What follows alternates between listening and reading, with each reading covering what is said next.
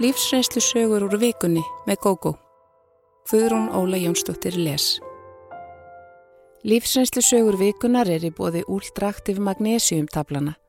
Með úldraktiv magnésiumtöflunum færðu meira út úr deginum, aukna orku, minni vöðvaþreitu og betri svefn. Úldraktiv magnésiumtöflunar fást í öllum helstu apotekum landsins.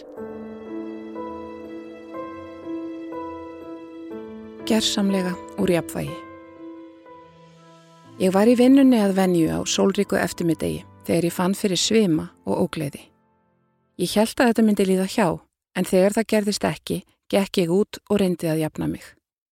Tilfinningin var sífelt verri og ég ákvað því að fara heim, þótt vinnudegi væri ekki alveg lokið. Mér tókst með naumyndum að komast inn á klóset heima áður en ég byrjaði að kasta upp. Ég rökk við og við upp um nóttina og hjælt áfram að æla fram undir morgun og gekk ógleðin ekki yfir eftir að ég hafði skilað frá mér í klósettið. Þegar ég ætlaði að standa upp og ganga inn í rúm aftur kom gólfið á móti mér. Engu var líkar en ég væri um borði skipi í stórsjó og veltingi. Ég reyndi að standa en kastaði smilli vekja og endaði á fjórum fótum á gólfinu. Að lokum skreiði ég inn í rúm og láð þar með ælubakka mér við hlið fram eftir morni. Höfuðið á mér lagaðist ekki og í hvert skipti sem ég hreyfði mig hið minsta, ringsnýrist allt. Ég gata ekki með nokkru móti staðið upp, en ef ég lág graf kér á vinstri hliðinni, leið mér bærilega. Þetta var undarlegt ástand.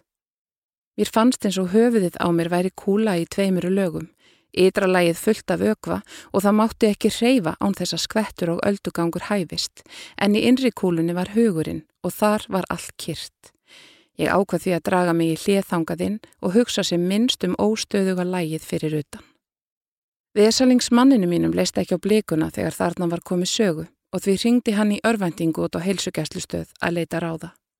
Fyrir tilviljun voru símaviðtalstímar lækna ekki liðinir og honum tókst hann á sambandi við eitt slíkan sem sannar að tími kraftaverkana er ekki liðin. Læknirinn ráðlaði honum að fara með mig strax upp á bráðamótöku og sagðist myndur ringja á undan okkur og sjá til þess að tekið yrði strax á móti mér. Við hjónakornin stöyluðum stúti bíl. Ég hjekk með annan handlegin yfir axlir hans og slagaði eins og dauða drukkin að bílinum. Hann opnaði afturdyrnar, skuttlaði mér inn í sætið og flegði skolpfötunni inn á eftir mér. Ég greip fötuna eins og druknandi maður hálmstrá og kúaðist og kúaðist. Þeir nágrannar sem séð hafa þetta ferðalag tilsýndar hafa sennilega hugsað með sér, hann er á leið með hann upp á vok og auðséð að súferði lungu orðin tímabær. Leiðin upp á spítala var reyn kvöl. Hver einasta reyðing bílsins kom af stað svima og velgu. Ég hafði fyrir löngu kastað upp öllu innihaldi magans og annara meldingarfæra og nú gekk ekki annað upp úr mér en slím og gall. Köstin reyndur hræðilega á mig og á þessari leið stundaði ég þær allra hressilegustu æfingar fyrir kviðvöðvana sem ég hef nokkru sinni gert um æfina. Við dyrbráðamótugunar sótti maðurinn minn hjólastól og óg mér inn. Það undarlega var við þetta ástand að allra vest af öllu var að setja uppréttur þannig að veröldin ringsnýrist og rúlaði fyrir augunum á mér og nú dögði ekki lengur að loka augunum. Meðan ég satt breytti það engu. Í mótökunni vorum við stöðuð og hjógrunarfræðingar neituði að hleypa okkur inn í hitt allra helgasta fyrir en ég hefði verið spurð spjörunum úrvarðandi ofnæmi, lif og barnasjúkdóma. Maðurinn minn reyndi að útskýra að ringt hefði verið á undan okkur og heilsa mín leifði enga töf eftir rúmi, en allt kom fyrir ekki. Ég varða lokum svo örvendingarfull að ég æfti hálfgrátandi, ég verð að komast í rúm strax, ég þóli ekki að setja upprétt. Þá opnaðist sesam, líkt og fyrir Aladín forðum og ég komst inn og í likjandi stöðu. Þar kúaðist ég góða stund meðan öldurnar lægði. Við tóku eilifar spurningar heilbreyðistarsfólks. Í sjálfu sér var ekki erfitt að svara þeim en verra var að hver einasti maður sem að sjúkrabeði mínu kom spurði sömu spurninga og þegar ég var búin að tekja sömu svörin líkt og símsfæri ríflega 11 sinnum fekk ég nóg og bað fólki að skoða skýslur hinna. Fyrsta völlu var ég sendi heilaskanna og þá var ég að liggja á bakinu. Allan tíman barðist ég við ógleðina og reyndi að stilla af bylgjurnar sem fóru um líkama minn og neittu mig til að kúast. Það var skelvilegt og ég hugsaði með mér þegar ég gætt komið mér vel fyrir aftur í rúminu að verra gæti það ekki orðið. En auðvitað áttu örlögin enn eftir tromp á sinn.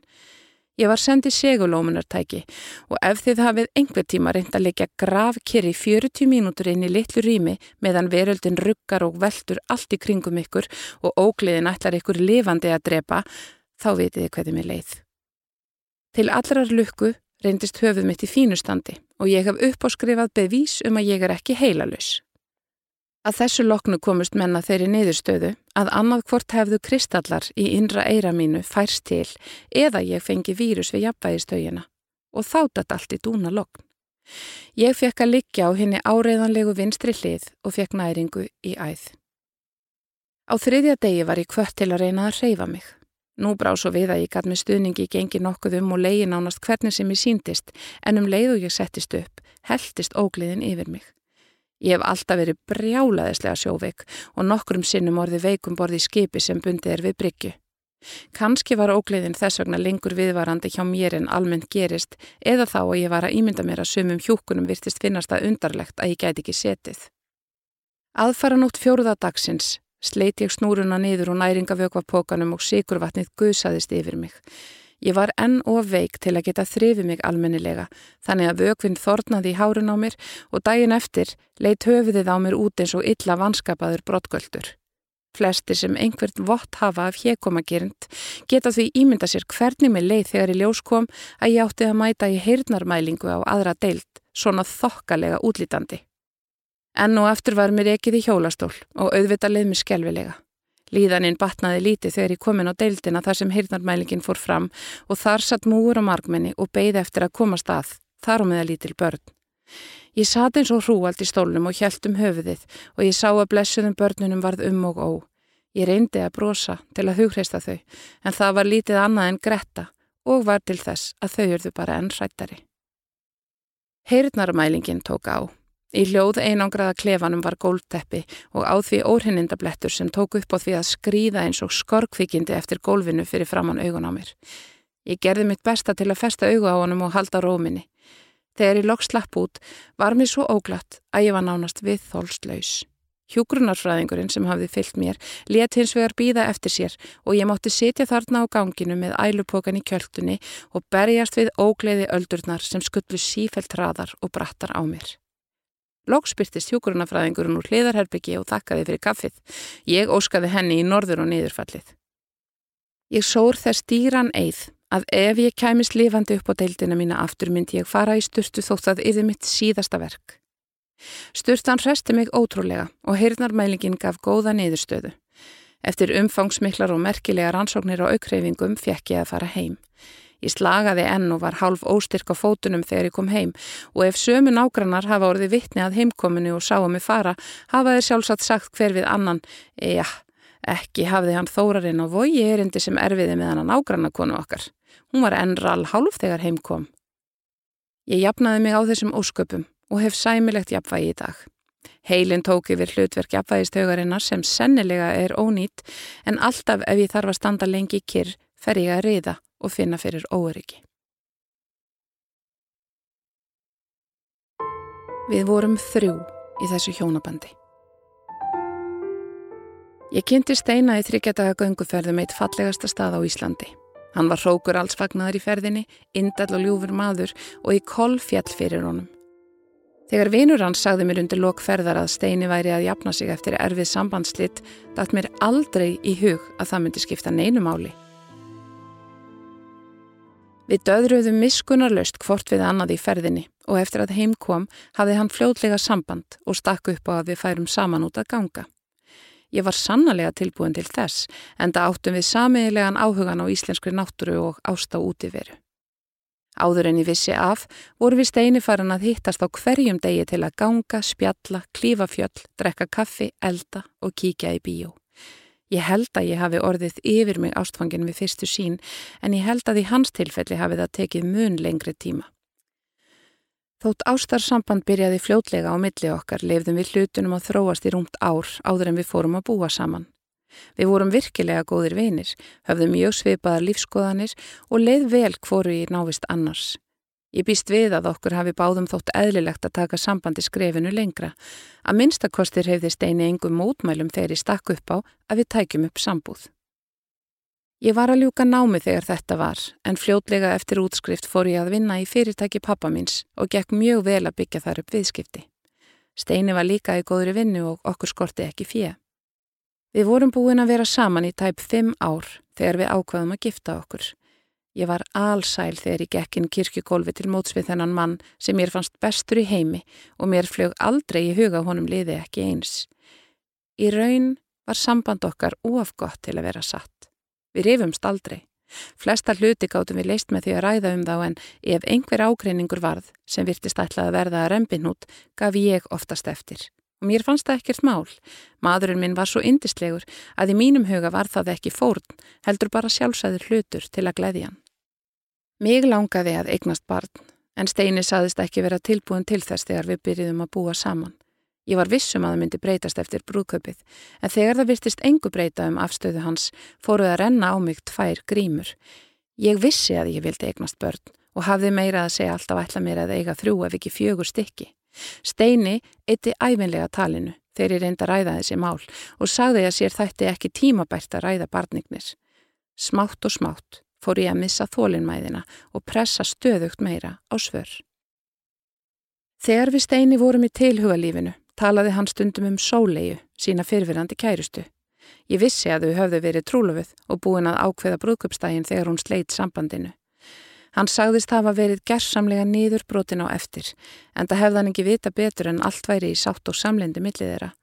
Hún hefði ekki gefið honum neina skýringu aðra en þá að hún væri ekki hamingisöm með honum og hún vildi fá frið til að finna út hvert hún vildi stefna. Hann sagði mig líka að gönguferðina góðu sem við hittumst í hefði þau planað að fara saman en eftir að sambandinu lauk hefði hann bóðið vini sínu með sér. Í raun hefði gangan bjargað geðhilsu hans á þessum tíma því Sólei byrjaði með samstarfsmanni sínum skömmu eftir að þau hættu saman og þau voru farin að búa þegar ferðin var farin. Steini var líka mjög sár þegar hann fyrir eftir nokkrum vikum síðar að Sólei væri ófrísk og mikil hamingaríkti hjá henni og nýjamanninum.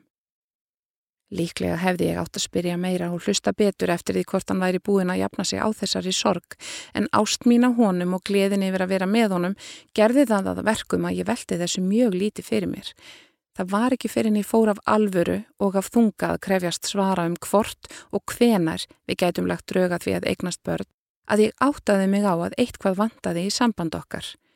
Steini var lokari og lokari gagvart mér, því meira sem ég krafðist svara og aukina skuldbindingar af hans halvu. Hann fór æg oftar inn á skrifstofu eftir að við höfðum borðað á kvöldin og vann þar fram að háttatíma. Ef ég reyndað eldan saðist hann upptekinn og hann myndi tala við mig setna. Hann kom líka seint heim úr vinnu, saðist vera í líkamsrækt, en mér fannst hann bera grunnsamlega lítil merkjum að hafa verið að reyna á sig og fara í sturtu. Ég varð sífelt hordrygnari og var jafnvelfærin að velta fyrir mér hvort hann ætti í ástarsambandi við aðra.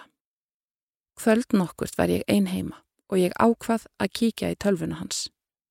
Þegar ég opnaði tölvupóstólfið hans, blöstu við mér skilabóð frá sólegi. Ég opnaði þau titrandi og las. Greinilegt var að þau höfðu haldið sambandi alveg frá því að þau skildu og þau hittust enn til að tala. Steini hafði ráðkast við hann á um barningnir okkar og látið í ljós evasemdrum að hann langaði til að eignast barn með mér. Ég leitaði uppið fleiri posta og því meira sem ég las, því sjokkeraðri var ég. Steini hafði sagt sólegu að honum þætti erfitt að hugsa sér að eiga barn með nokkuri annari en henni. Þau hefðu verið búin að tala svo mikið um barni sem þau ætluðu að eignast saman að honum finnist erfitt að eiga þann draum með annari konu. Mér fannst hann tala eins og ég væri einhver sem hann hefði átt í lauslegu sambandi við í stuttan tíma. Þetta var mér gríðarlegt áfall og þótt augljóst væri af samskiptum þeirra að ekki væri um kynferðislegt samband að ræða, skinjaði ég að það var vegna þess að sóli hefði ekki áhuga á slíku. Hún heikaði hins vegar ekki við að ræða engamál mín við mannin minn og leti ljó skoðanir á mér, konu sem hún þekkt ekki neitt. Ég bókstaflega titraði af bræði þegar ég tók að móti steina þetta kvöld og skipaði honum út af heimilinu. Ég greitt alla nóttina og í höfðinu hljómiðu orð díinu prinsessu í viðtali við breskar sjónvarpið. Við vorum þrjú í þessu hjónabandi. Það sama hafi komið fyrir mig. Ég var í sambandi við mann sem enn var bundin annari og því ekki fullkomlega heil gagvart mér. Við steini skildum fyrir tveimur árum og ég hef lítið frett af honum síðan. Ég saknaði hans oft og fyrst á eftir var ég stundum að því komin að taka upp síman og byggja hann að reyna aftur en til allrar lukku hætti ég alltaf við. Fyrir nokkru mánuðum kynntist ég manni og samband okkar verður stöðugt nánara. Að þessu sinni mun ég gæta mín betur og vera vissum að engin fyrfirandi búi enni hjarta hans þegar ég gifti mig.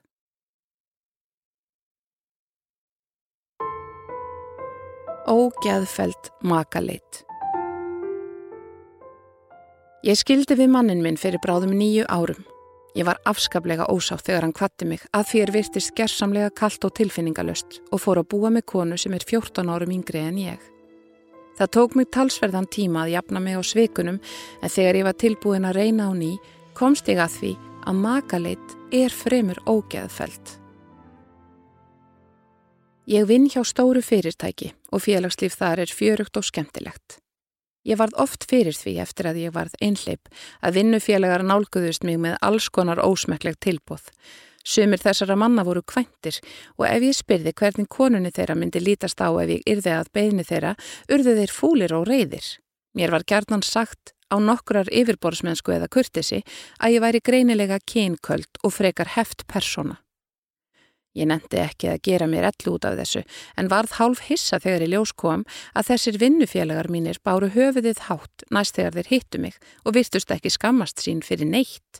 Það var eiginlega frekar eins og þeim fyndist að ég ætti að hafa sektarkjönd. Ég komst líka að því að ýmsir vinir mannsins míns voru svo tryggir honum að þeim fannst sjálfsagt að bjóða mér að taka við hlutverki hans í Svefnarberginu hvenar sem ég vildi. Þegar ég sagði einum hans besta vini að mér er þið óglatt, svo anstíkileg þætti mér framkoma hans, svaraði hann öskur reyður að hann vissi svo sem hvers vegna vinur hans hefði gefist upp á mér. Ég væri stíf og leiðinleg og óspennandi í rúminu. Ég spurði hvort fórtfísi og manngæska hans væri þá svona einstök, fyrst hann byðist til að fórna sér til verka sem væri augljóslega hálfgerð skýtverk. Það var fátum sör og ég hef ekki hirti honum síðan. Sorkin yfir skilnaðinum, særindin yfir höfnuninni og söknuðurinn eftir manninum dopnaði smátt og smátt. Ég fann fljótlega að ég hafði meiri orku en áður en það breytist mataræði mitt mikið til eins betra eftir að hann fór. Ég fór að ganga á fjöll og var þar í góðum og glöðum hópi. Þar kynntist ég Svenna, manni á svipuðum aldri og ég var og okkur varð vel til vina. Við fórum að fara út saman og úrvarð ástarsamband. Ég get ekki sagt að ég hafi verið ástfangin af Svenna en mér líkaði vel við hann. Eftir nokkur að vikna samband hætti hann skindilega að ringja og svaraði ekki tölvupostum frá mér. Ég reyndi að ringi hann en fekk ekki svar. Ég ringdi vinnuna til hans og var gefið samband. Honum brá greinilega þegar hann heyrði að þetta var ég og þegar ég spurði hvers vegna hann hefði horfið svo skindilega tilkynnti hann að hann hefði kynst annari konu og vildi gefa sig allan í þeirra samband. Ég var stein hissa og Spurði hvort hann hefði átt í sambandi við hann um leið og mig, en hann eitaði. Sagðist einfallega hafa heitlast af þessari konu. Ég var eiginlega frekar reið en leið þegar ég kvatti og áttaði mig fljótt á að ég hafði sloppið vel að komast svona fljótt að því hvern mann Svenni hafði að geima. Þeimur mánuðum setna ringdan í mig og vildi taka upp samband okkar aftur því svo nýja hefði ekki reynst en spennandi og hann í fyrstu.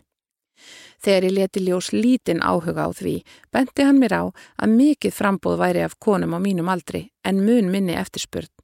Ég svaraði því til að ég kynni mína viðskiptafræði og stundum væri markasetning málið. Almennt væri lítill áhuga á vöru sem allir getur fengið frítt. Við kvöttumst með litlum kærleikum. Nokkru setna komst ég í kynni við indælan manni gegnum vinkonu mína. Sá var fremur hlétrægur og feimin en virkaði tröstur og ljúflindur. Hann hafði gengið í gegnum mikla fjárhagsörðuleika og var ekki vel stattur. Ég hjálpaði honum að koma reglu á ímsa þætti, en þegar hann misti húsnæðið fór hann fram á það flytja inn til mín.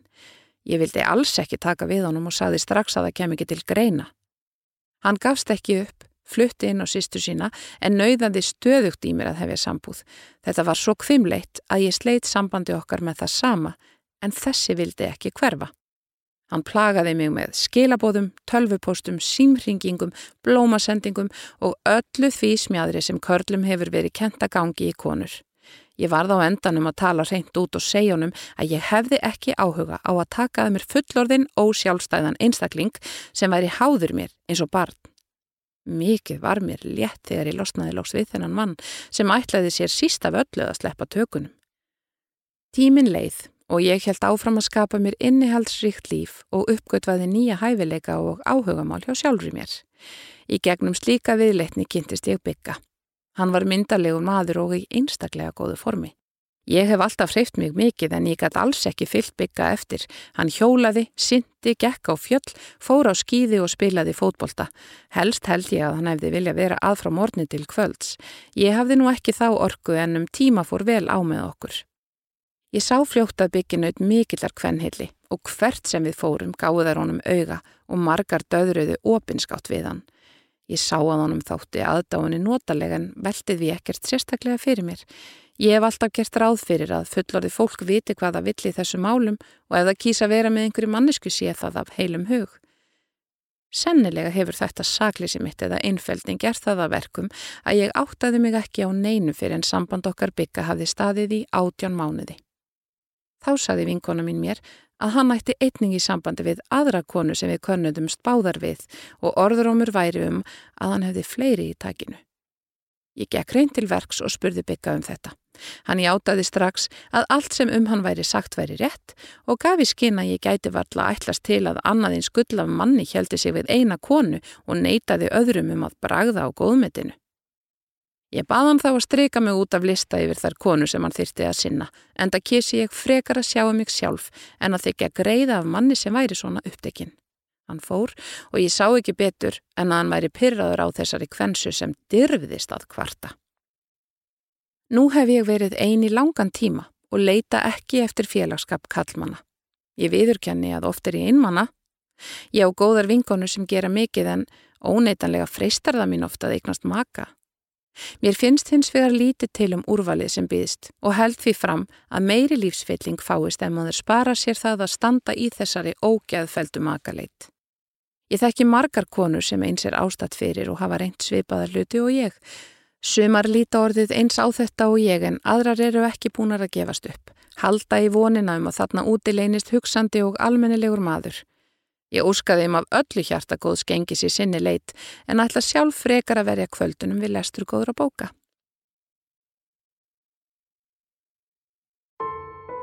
Ástinn fannst á óvæntum stað. Við óliðurðum góðir vinir í mentaskóla. Hann stutti mig alltaf með ráðum og dáð og ég reyndi að endurgelda það. Eins og flestir gengum við í gegnum ímislegt í ástamálum og alltaf þegar ég varð fyrir vonbreyðum gret ég á aukslinni á Óla og hann kom ávalt til minn þegar honum leið illa yfir einhverjum stúlkum sem skildu ekki hvílikur gullmóli hann var. Ég varð yfir mig ástfangin í háskólanum og fór að búa með sigga eftir þryggja mánada kynni. Hann reyndist hinn versti harðstjóri sem vildi stjórna öllu og það tók mig þrjú árað átta mig á að ég vildi ekki láta kúa mig. Siggi þóldi auðvitað ekki vináttu okkar óla, svo við umgengum skvort annað ekki mikið meðan á sambúðinni stóð. Ég fretti þó af honum frá samiðilegum vinum og vissi að hann átti í sambandi við konu sem notfærði sér góðmennsku hans á mjög andstyggilegan hátt. Hún var einstæð með tvö börn og þótt hún vildi ekki búa með Óla, tókst henni að fá hann til að borga fyrir sig húsalegu, mat og fleira. Þegar ég sleitt sambandi okkar sigga tók ég aftur upp samband við mína gömlu vini og fljótlega varð íbúðin mín eins og félagsheimili hópsins. Óli var þar á meðal en um þetta leiti voru augu hans að opnast fyrir því að konan sem hann var hrifin af ætlaði sér ekki annað með hann en að ná af honum einsmiklum peningum og hún gæti. Um helgar sátum við oft saman yfir kvöldmat og bíómynd og töluðum um hversu anstekilegt fólk geti verið. Ég veit ekki hvers vegna en ég sá Óla aldrei öðruvísi en sem vinn Ég spáði ekkert í hvernig hann leitt út eða hvernig áhrif hann hefði á aðrar konur, ekki fyrir en sameigileg vinkona okkar sagði eitt kvöldi við mig. Hann Óli er alveg ofbóðslega myndalegu maður, er þið sama þú til reyni við hann? Ég horfið á Óla og sá hann í fyrsta sinn sem kallmann og gerði mig grein fyrir að hann var einstaklega glæsilegur maður. Þetta var eiginlega hálfgert sjokk og ég tautaði eitthvað um að mér væri alveg sama þótt hún dadraði við Óla að við værum ekki annað en vinir, en mér var alls ekki sama. Allt kvöldið kvaldist ég af óta við að hún hefði erindi sem erfiði og þau Óli færu að vera saman. Mér fannst tilhugsunin óbærileg. Næstu daga og vikur leið mér ömurlega.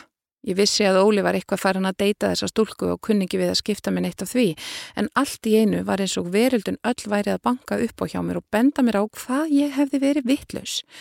Önnur vinkona saði við mig, ég hef aldrei skilið af hverju þið Óli eruð ekki par, þið passið alveg ótrúlega vel saman.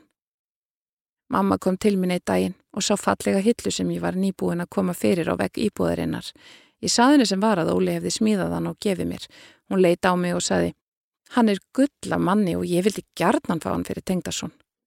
Ég brosti bara en gaf svo sem ekkert út á þetta en bölvaði sjálfur mér í huganum fyrir heimskuna. Af hverju hafði ég hort á alla aðra kallmenn en ekki þennan sem var beint fyrir fram að nefið á mér og bestur af þeim öllum. Ég gekk um gólf heima hjá mér þegar mamma var farin og velti fyrir mér hvað ég ætti að gera. Mest langaði mig að taka upp síman, ringja í Óla og byggja hann að koma og segja honum síðan reynd út hvernig mér liði. Ég þorði það hins vegar ekki. Hvað ef hann hefði allsengan áhuga á mér sem var allt eins líklegt og ef hann segði það þá væri vinátt á okkar ónýtt. Ég gæti ekki hugsa mér að missa hann sem vin líka en svo veldi ég fyrir mér hvort það yrði ekki óbærilegt að umgangast hann sem vin eftir að ég var búin að uppgöða að ég væri ástfangin af honum. Það yrði ömurleg niðurlæging og ég yrði ábyggilega lengi að jafna mig á því. Svona tókuðust á í mér alls konar hugsanis og ég gerði ótal plönum hvernig ég ætlaði að nálgast Óla til að finna út hvort einhver von væri um ástarsamband á milli okkar, en fjall frá þeim öllum enda heimskuleg. Í raun er ekki hægt að reikna út hvernig annari mannesku líður gagvartir. Það er alveg sama hversu vel þú þekkir einhvern. Þú getur algerlega misreiknað fasans og framkomu. Hlýlegt fólk verður oft fyrir því að aðrir halda að það hafi bóðið upp á meiri og nánari vinóttu en það kæri sig um og dadrarar eru ekki endilega lauslátt fólk að bjóða upp á kynlíf. Ég var því först í sama farinu og vissi ekki í hvort fótin ég ætti að stíga. Þegar ég frétti að samband Óla við vinkonu okkar hefði runnið út í sandin var mér hins vegar mjög létt og það fyrsta sem ég gerði var að ringja í Óla og bjóðanum í mat. Kvöldi var notalegt eins og venjulega og við spjöldluðum um heima og geima. Ég veit ekki hvað var til þess en allt í einu misti ég út úr mér að fólk hefði verið að stinga því að mér að undanförnu að það skildi ekki hvers vegna við værum ekki par. Þá saði Óli, ég skilða ekki heldur. Ég horfi á hann gerðsamlega orðlaus en hafði svo vita á nálgast hann og segja, mér líður alveg eins. Síðan þá höfum við Óli verið saman og við eigum í dag tvö börn Hann er einstaklega tröstur og ljúfur maður og það er góð byrjun og hjónabandi að vera nánir og góðir vinir. Ég veit að núna að hann var alltaf skotin í mér og var búin að sjá það löngu á undan mér hversu vel við ættum saman. Ég var hins vegar alltaf með bæði augun lókuð og hann skildi það. Ég hef oft rætta við vingonur mínar eftir að við óliurðum par að allt of oft fermaður yfir lækin að sækja vatnið. Ég heitlaðist æfinlega af einhverjum töffurum með gríðarlegt sjálfströst Sjálf var ég frekar óörug með mig og held að þessir menn hefðu öll svörin en ég komst hins vegar fljótt að því að undir flottu yfirborðinu og sjálfsöruginu voru eigingjarnir, leiðinleir karakterar sem álitu að öll veruldi nætti að snúast um þá. Þannig var Siggi, ég átt að stara á hann gapandi af aðdáðan frá morniti kvölds og fóðra ekóðans með því að segja honum hvað frábær hann var. Hann þóldi ekki vini mína því þeim fannst hann leiðinlegur og fannst ég og frjálsteg og glöð þegar ég var með þeim. Ég sínd honum líka minni aðtegli þegar ég var að hlæja og skemta mér með félögum mínum og það var auðvitað ómögulegt. Siggi gaggrindi mig líka stöðugt. Ég klæti mikið rétt, greiti hárið asnalega, bjó ekki til góðan mat, kunni ekki að leggja á borð og þreif aldrei nógu vel. Hann átti til að takaði mér tuskuna og verið með sínikjansli hvernig ætti að þurka af. Síðan rétt hann mér hann aftur því auðvitað datt honum ekki huga að klára bara þrifin fyrst ég var svona vanhæf. Hann kendi mig líka reglulega á rafmagstækin því hann taldi að ég umgengist þau ekki á réttan hátt. Ótalmarð fleira geti ég nefnt, til dæmis um kúun, sigga og yfirleiti. Ég veit núna að smátt og smátt braut þetta mig niður og sjálfströst mitt var nánast að engu orðið þegar ég sleitt sambandinu við hann. Hvað var til þess að ég fekk hugur ekki til þess, veit ég ekki. Ég hafði þá lengi verið kvíðin og vansæl. Ég vissi að mér leiði illa í sambandinu en kendi sjálfur mér um taldi mér æfinlega trúum að ef ég væri betri, klárari, dugleri og flottari myndi samband okkar sigga ganga betur.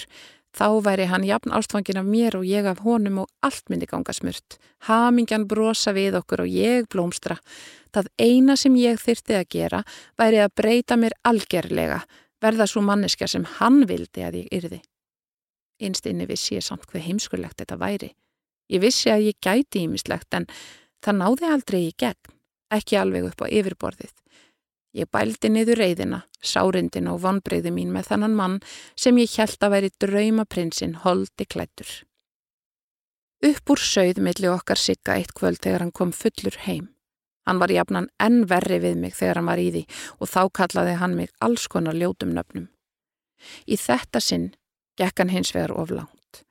Hann let svífyrðingarnar dinja á mér og sagði svo margt sem gekk alveg inn í kviku. Dægin eftir þóttist hann ekkert muna og þótt ég rifjaði þetta upp að hann ekki afsökunar. Ég skammast mín fyrir að segja það en næstu daga reyndi ég að láta sem ekkert væri, halda sambandinu áfram. En ljótu orðin sátu í mér og að lokum fann ég að þessu gæti ég ekki glemt. Ég sagði Sigga að fara þegar hann kom heim en dátti ég íbúðina.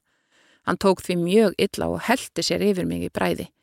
Ef hann hefði orðið meir og viðkvæmur og beði fyrirgefningar, hefði ég kannski ekki staðið við þetta, en skapvorska hans gaf mér kraftin til að standa við ákverðin mína og mikið er í fegin því í dag.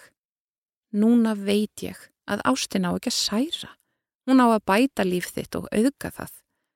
Auðvita kom upp erfileikar og ekki er alltaf jafn gott að vera í hjónabandi, en þegar annar aðilinn fær ekki að vera hann sjálfur, er sambandið vonlust.